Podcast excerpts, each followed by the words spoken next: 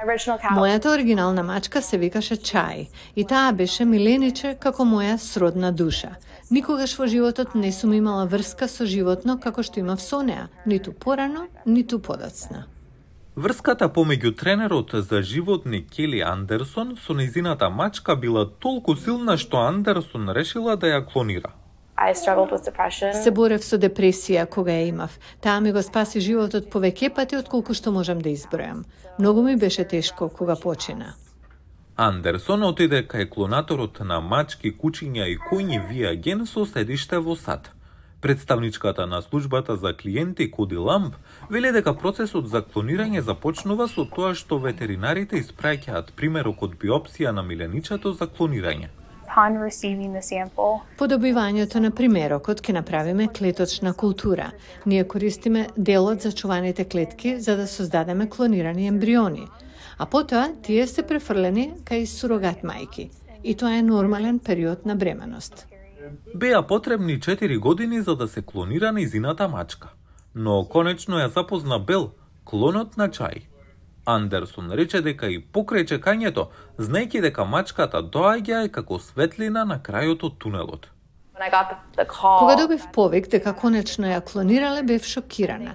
Бел има различни белези, но и незината личност е различна. Јас ја сакам толку многу и дефинитивно е како мојата предходна мачка, но тоа воопшто не е иста врска и никогаш не го очекував, ниту посакував тоа. So the feedback that we get Повратните информации што ги добиваме се дека темпераментот и личноста се доста слични, но тие сепак ќе бидат нивна единствена карактеристика. Клонирањето не е ефтино. Андерсон платила 25.000 долари пред 6 години, а цената од тогаш двојно се зголемила на 50.000 долари. Зедов кредит затоа што немам толку многу пари. Јас сум само дресар на кучиња, не сум Парис Хилтон. Хотелската наследничка Парис Хилтон го клонирала своето куче што резултирало со два нови клонови на кученца. Музичарката Барбара Стрейсент доби и две клонирани кучиња од нејзиниот сакан Котон де Тулеар. Андерсон, која има профил на Инстаграм за Бел, вели дека иако има многу омраза на социјалните мрежи за нејзиниот избор, таа не се кае. Мислам дека љубовта е иста. И тоа е навистина важен дел за клонирање. Никогаш не се работеше за неизино воскреснување или реинкарнирање.